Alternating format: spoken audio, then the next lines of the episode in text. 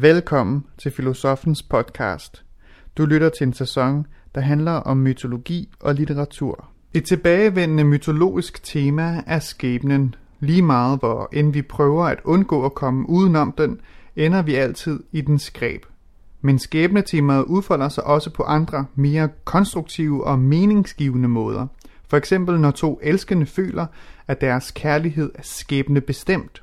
Hvor tager skæbnen mund os hen i dag?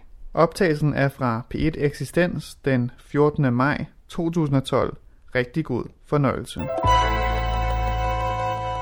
Vi skal beskæftige os med myter, fordi myter er overalt i vores kultur og i vores bevidsthed. Og øh, fordi myter virker orienteringsgivende på os. Vi kan for eksempel tænke på, hvordan at de myter, vi har om kærlighed, de myter, vi fortæller hinanden om, hvad kærlighed er, kommer til at forme det, de faktiske øh, Øh, følelser, vi har omkring, hvorvidt vores forhold lykkes eller ikke lykkes. Øh, så der er nogle, nogle historier, som øh, florerer i vores kultur, og dit florerer de jo som øh, individuelle Hollywood-film eller sådan noget, men som så er varianter over nogle mere grundlæggende myter. Og det samme omkring, hvad en held er, eller hvad orden er, eller øh, hvordan man skal leve sit liv. Så når vi skal se lidt på myter nu, så er det for at, at finde ud af, hvad det er for nogle grundlæggende historier, som vi har arvet, og som kommer til at forme vores, vores øh, liv. Og hvilke råd, kan man også sige, hvad det er for nogle råd, som vi overtager fra vores tradition igennem myterne.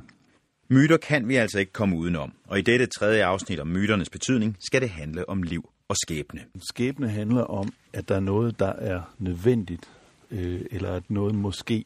Det vil sige, at, at der er noget, der er øh, større end det, vi selv kan bestemme, men også, at alting ikke bare er fuldstændig tilfældigt. Og et af de steder, hvor, øh, hvor det kan være øh, kan man sige, forfærdeligt, og at tingene er tilfældigt, det er, øh, hvis man gifter sig. Hvis man, hvis man er til bryllup og... Øh, eller til sit eget bryllup, og øh, kommer, den tanke slår en, at man jo lige så godt kunne have giftet sig med 10.000 andre, og at hun i øvrigt også kunne have giftet sig med 10.000 andre. Øh, og hvordan var det egentlig, vi mødte hinanden? Jamen, det var jo helt tilfældigt. Jeg gik ned i Føtex den dag, og så stod hun på den anden side af køledisken, og øh, det kunne også være, at jeg var kommet fem minutter senere og sådan noget. Der, der, der er der en, en for stor grad af, for, af tilfældighed det, som så bliver venindernes opgave til det her bryllup, det er at fortælle nødvendighed ind i, øh, ind i vores møde. Altså, de må lave forskellige historier, som, som gør, at det er skæbnen, der har bestemt, at vi skal møde hinanden. At så havde hun Lars, og det virkede ikke, og så havde hun Bjarne, og det virkede ikke. Og så mødte hun Anders, og så øh, nu passer de jo sammen. Øh, så at, at, det, at jeg ikke får følelsen af, at det her det er fuldstændig tilfældigt, at vi sidder her. Og det er noget af det samme, myten gør. Den, den prøver på en måde at give mening til det, der virker absurd eller tilfældigt. Altså, hvorfor skal, hvorfor skal det der ramme denne mand, øh, denne ulykke, eller denne lykke ramme denne mand? Der, der prøver myten at skrive nødvendighed ind i verden, således at mennesket kan give mening til det, der ellers ville virke absurd. Og noget af det, som myterne så også gør, det er, at, at de prøver at vise, at der er noget, der er meget større end mennesket her, som er på spil. Øh, og at øh, jeg vil sige, at i vores, vores tids øh, overmod øh, består nærmest i, at vi tror, at vi vores egen lykkes med, at vi har sat mennesket selv i centrum, som den, der er her over sit eget liv. Noget af det, som, øh, som øh, grækerne har øh, forskellige figurer for sådan med øh, for nødvendighed, altså og øh, Øh, blandt er der morierne eller furierne, som øh, romerne kalder dem, hvor Kloto holder tenen og Lachesis spinder livets tråd, og Atropos klipper den over. Der er forskellige figurer for, sådan, for den her nødvendighed. Og der opstår samtidig nogle diskussioner, øh, som handler om, øh, kan guderne egentlig bestemme over skæbnen, eller er skæbnen stærkere end guderne? For eksempel er der et, øh, en situation i øh, Iliaden, hvor Achilles og Hector slåsser øh, rundt om Troja, og Zeus øh, vil finde ud af, hvem af dem, øh, der skal dø, og så giver han til det at veje deres dødsløje, og Hectors dødsløje vejer mere end Achilles' og derfor må Hector dø. Det er sådan nogle, hvad man kan sige, men der er også, måske er det, måske er det ikke bare guderne, der bestemmer, måske er skæbnen også en øh, stærkere end selv guderne. Og så sker der også, hvis, min, hvis vi bare lige kigger på, på den den græske mytologi, der sker der en, en forskydning fra, hvad, hvad skæbne er. At øh, i, i, den, i den rigtig gamle antik, der er, for, der er, der er øh, skæbnen en nødvendighed. Man, man taler om en, en gudinde, der hedder Ananke, som går rundt med nogle bronzesøm øh, som, og slår dem i. Og der er også en anden, der hedder Adrestia. Det er hende, man ikke kan løbe fra. Vi kender det fra det, at man kan være adræt. Øh, at, øh, altså, det, det er en, der, der bare øh, alt, altid vil indhente en. Men når vi kommer frem til sådan den, den, den senere græske tid, så, så er det en anden gudinde, øh, der, der er øh, gudinde for skæbnen. Hun hedder Tyke, og, øh, og, og romerne oversætter hende til, til Fortuna. Det, der er lidt sjovt ved hende, det er, at hun står på en kugle. Og hun, kuglen, altså når hun står på en kugle, så er det i højere grad en form for tilfældighed.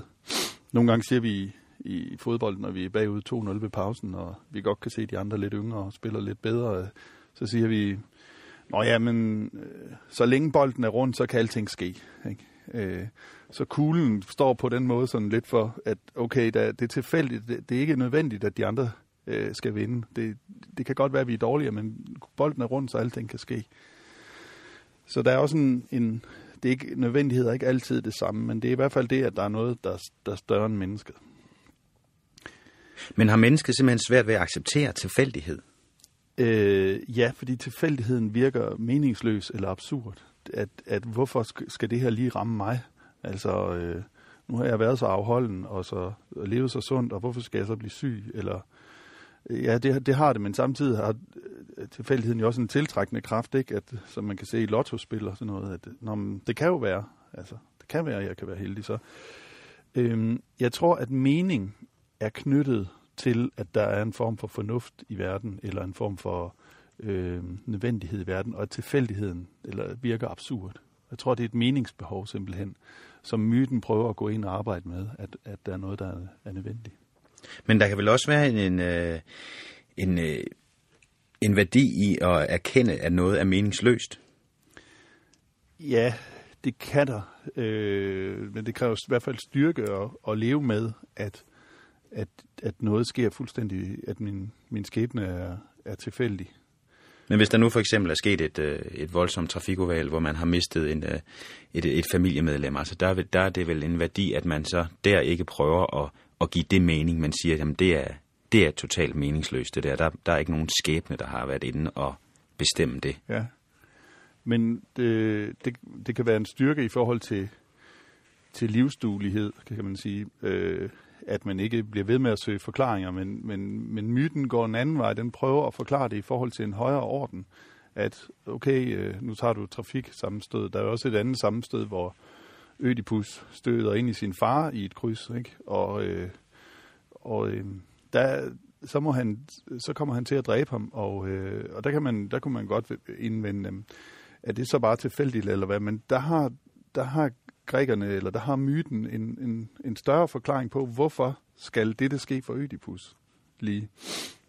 Og hvad er det helt præcis, der sker der, bare lige for at få øh, Jamen, i virkeligheden handler Ødipus-myten, som vi møder hos Sophokles og Homer og Hesiod, den handler egentlig om, om Thebens historie. Og det er det, at øh, kong Laios, han har været, altså der er kong Laios, som er gift med Jokaste. Øh, de er så, han er konge i Theben. Og han har været ved øh, oraklet i Delphi, og øh, som nogen vil vide, så får han at vide der, to, får to ting at vide. Hvis du får en søn, så vil han dræbe dig, og øhm, det andet er, at hvis du får en søn, så vil teben blive destrueret. Og så kommer han jo til en øh, brænder og, og gør sin kone jo kaste gravid, og øh, de får selvfølgelig en dreng. Og den dreng øh, bliver sat ud med en hyrde. Altså, det er jo igen et eksempel på, at mennesket, mennesket kan godt få noget at vide, der er nødvendigt, men det prøver alligevel at undgå det. Og nogle gange er det i forsøget på at undgå det, at det netop kommer til at ske. Og den her hyrde, han behandler ham sådan set ret dårligt. Han bor blandt andet hul i hans øh, fod, så han kan binde ham og, og sådan noget. Og på et tidspunkt når de så frem til, til Korinth, hvor kong Polybos ikke har nogen øh, børn, og han vil gerne, han vil gerne overtage øh, øh, Ødipus. På et tidspunkt bliver Ødipus drillet af nogle af de andre drenge, der kalder ham en bastard, altså sådan en, en underlig sammensætning. Og han, han bliver ved med at spørge sin far, hvorfor siger de det om mig og sådan noget? Øhm, og han får ikke rigtig nogen svar, så, så Ødipus går også til oraklet i Delphi. som så siger, at han vil dræbe sin far. Og selvfølgelig prøver Ødipus også. Han tror jo, det er Polybos, der er hans far, så han prøver jo at undgå, øh, undgå skæbnen der, og øh, forlader Korinth. Men netop derved stod han ind i sin, i sin rigtige far, Laios, som han kommer op og slås med og kommer til at dræbe.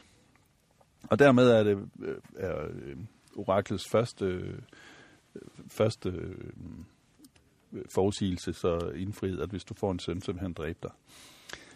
Øhm, og Ødipus kommer så til Theben, og øhm, der er der det, sådan et, et kattedame lignende uhyre, en, en sfinks, der går rundt og, og sætter øh, folk gåder op, og dem, der ikke kan gætte gåderne, de, de øh, bliver dræbt. Men Ødipus øh, gætter faktisk øh, Sfinksens gåde, og dermed dør Sfinksen. Og det bliver den, den nuværende konge i Theben, øh, som er Jokastes bror, øh, kong Kreon, det bliver han så glad over, at han siger, du må få min søster og få tronen. Øh, hvormed vi så har det her, så, øh, der, som Ødipus måske er mest kendt for, nemlig at han er sammen med sin mor, øh, Jokaste. Og faktisk lever de 20 år lykkelige og får, får fire børn. Øh, og øh, indtil at der opstår en, en øh, epidemi, som, som øh, bryder ud i, øh, i øh, Theben, og Ødipus rejser til Delphi. Og det, som, det, som øh, oraklet siger der, det er, at den her plage, den vil først gå over, når Laios' morter er fundet. Og øh, ja, det må jo så opklares, øh, og herved kommer det så frem, at øh, på forskellige måder, at det faktisk er Ødipus, der har dræbt sin egen far. Og det er jo sjovt med sådan en, øh, en myte som den her, som er, er så detaljeret med sådan et, øh, et rigt øh, persongalleri. Hvorfor myten er konstrueret på den måde? Altså, hvad, hvad, hvad giver det os, at vi får en så konstrueret øh, myte, som er så, så fuld, fuldt af, af detaljer? Man kan vel også bare sige, sige det, som det er. Prøv at høre her, kære venner. Det er, øh, tilfældighed, det er, at øh, det, det er meningsløst. I leder efter, I leder efter mening, øh, fordi, eller en, ja. en nødvendighed. Altså, ja. hvorfor kan man ikke forklare os de her ting så enkelt? Det, det er jo som om, at, at fortællingen kan noget, som filosofien ikke kan. Øh, altså det, at det bliver bragt på fortællingens form, det muliggør at formidle nogle, nogle andre livssandheder, eller få dem ind på en anden måde. Nu, ofte har de jo været opført som drama også, ikke? Øhm, og det, det, som egentlig er på, pointen med den her myte, det er egentlig, at, at der går noget forud for alt det her, nemlig at Laios, han blev opdraget øh, hos en, en, der hed Pelops, og han forelsker sig i Pelops' søn, der hedder Chrysippe, og voldtager ham. Og efter den her voldtægt, så begår Chrysippe selvmord. Og Pelops, han beder sig om, at det samme måske for Laios, at han også må få samme straf. Det som, det, som vi så må forstå her, det er, at der er en kæmpe tidsforskydning, at, at det, der egentlig skal ske med hele Ødipus-dramaet, det handler slet ikke om Ødipus. Det handler om, at der er kommet en uorden i verden, nemlig at, at Lejers har voldtaget en, der har begået selvmord, og den orden skal oprettes. Men guderne har ikke travlt. Øh, de skal ikke dø ligesom mennesket, så, så guderne de opretter hen over tid, og deri er Ødipus og hans datter Antigone og Iokaste og sådan nogle, de, de er sådan set bare brækker i den oprettelse. Så det, der virker absurd øh, på individplan, det, det giver en mening, når vi ser det hen over, øh, over længere tid. Og det er en måde at skrive, me- skrive mening ind i det, at, at skæbnen må ramme alle, ligesom, ligesom regnen gør. Og øh, at øh, i stedet for, at når man ser på, på Ødipus, så kan man sige, hvorfor skal han ramme sig alt det? Ja, det skal han, fordi der er en større mening, nemlig at den orden, der skal genoprettes. Og det er sådan set det græske svar på, det der jo i den kristne verden opstår det, der hedder teodicé-problemet, altså hvis Gud er alvidende og algod og almægtig, hvorfor er der så øh, uhyreligheder i verden? Og det er der forskellige svar på, ja, de må komme fra mennesket, øh, eller et eller andet. Men for grækerne er det, altså, hvorfor, der stiller det spørgsmål så, hvorfor skal det her ske? Hvorfor er der vandskæbne overalt, når, når der er Gud overalt? Og svaret er, det er fordi kosmos skal genoprettes, fordi orden er god øh, og, og, og guderne har ikke travlt. Men de mennesker, som jo, jo i dag alle vegne står i en, i en situation, der ikke nødvendigvis minder om, om, om Ødipusses, men, men øh, en situation, hvor de måske i en periode bliver ramt af alverdens øh, ulykker, øh, dødsfald, sygdom, øh, øh, økonomisk nød. Altså skal de hvordan skal de bruge sådan en myte her til at, at klare sig igennem? For det, vil, det må være forfærdeligt, hvis de så skulle tænke, at det er en, øh, det er en orden, der skal genoprettes. Det er derfor, du er udsat for alt det her. Ja, altså, mm, den, den myte får vi i hvert fald fortalt samtidig, som at man selv er skyld, eller at øh, det, er for, det er fordi, vi har gjort noget ved ozonlaget, eller det er fordi, vi, har ro, også vi mennesker har rodet for meget med miljøet, så, så slår det tilbage, og så får vi nogle moderne livsstilssygdomme, og, og sådan. Så de, altså, øh, der, der optræder myten i hvert fald igen som noget, der skal forklare, hvorfor, hvorfor sker det her. Øhm, det, som man kan sige, at myten prøver at lære os, det er, at man må, man må indrette sig på, at det dårlige kan hænde. Øh, man kan ikke undgå det, man kan ikke, man kan ikke løbe fra det. Men, som historikerne vil sige, at indrette sig på, at det dårlige vil hænde, det betyder ikke, at man skal leve i frygt. Fordi, som de siger, hvis man frygter, så kan man ikke elske, og man kan ikke tænke. Så de prøver at lære, at, at, at det, gode, det gode kan være der, men det kan forsvinde hele tiden igen. Ikke? Altså Ødipus havde 20 gode år med Jokaste, øh, inden, inden øh, sandheden blev afsløret. Så, så den forklarer ting, myten forklarer ting, men den, den skal ikke, ligesom ikke selv forklares. Øh, og den prøver at, at, at give mening ved at sige, hvorfor ulykken rammer. Og der kan den moderne videnskab altså ikke på samme måde øh, give mening til tingene. Den, den kan jo nok afsløre, hvem der har 20% for at få kraft, og hvem der har 10%. Øh, men den kan ikke på samme måde øh, udstyre, udstyre det med mening.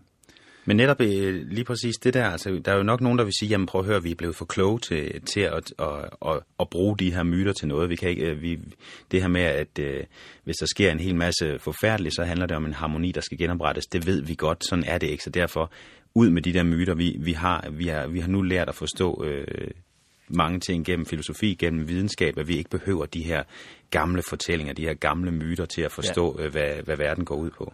Ja, og det, det, det, det, det er jo det, øh, som vi, vi kunne kalde myten om mytefrihed, at vi, nu, kunne vi, nu kan vi have en fornuft ud, øh, uden myter. Og til det vil jeg nok bare sige to ting. At det ene er, at myterne virker altså alligevel igennem os. Vi, vi laver film, der murer op over omkring de her myter, eller vi har forklaringer på, på finanskrisen og sådan noget, som, som, som virker i, igennem os. Og det andet er, at det faktisk, øh, videnskaben faktisk ikke rigtig øh, giver mening på, på den måde, anden måde, end den siger, at det her det kan ske altså med, med din krop, eller det her det kan ske med det økonomiske system. Og jeg mener, det, det der egentlig er den moderne galskab, det er, at vi har fået sat os selv i centrum øh, som årsag til ulykkerne. Altså hvis vi skal forklare finanskrisen, så prøver vi at tænke på, hvem var egentlig skyld i det, eller 2. verdenskrig, hvem var egentlig skyld i det. Men det, det forudsætter, at mennesket, øh, altså, at mennesket har meget mere magt, end det har. Det er egentlig, øh, det er egentlig en, det, det, det tror jeg, noget af det, som myten kan lære os, det er, at vi er i gang med at overvurdere øh, menneskets rolle i den moderne tid, hvor vi har fået sat, sat mennesket i, i centrum som, som årsag til ulykkerne. Og det sagde Anders Fogh Jensen her i tredje afsnit af vores serie om myter. Husk, at du kan podcaste den her serie særskilt via dr.dk-eksistens. Og ellers kan du hver mandag på P1 kl. ca. 14.40 følge med i serierne. Og næste mandag handler det altså om myter igen. I næste og sidste afsnit skal det handle om kærlighedsmyter. Det vil sige om de myter, der sætter sig igennem i vores kærlighedsforhold, og som er med til at skabe de fortællinger, vi har om kærligheden.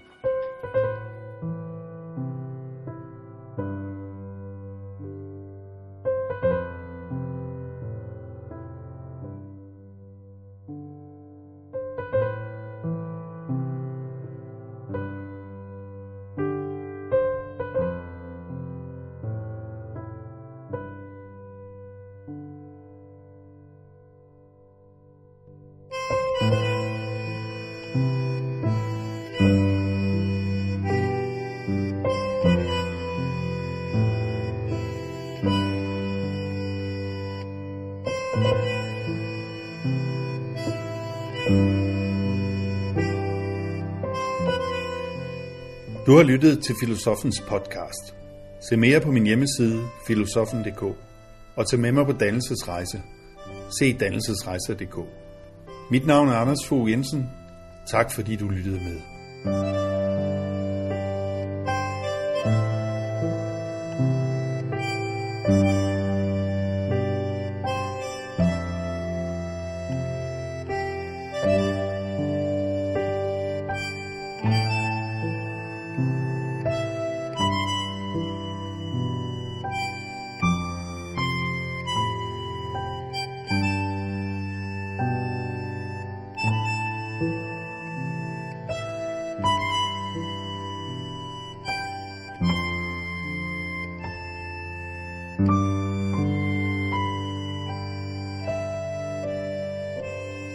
Música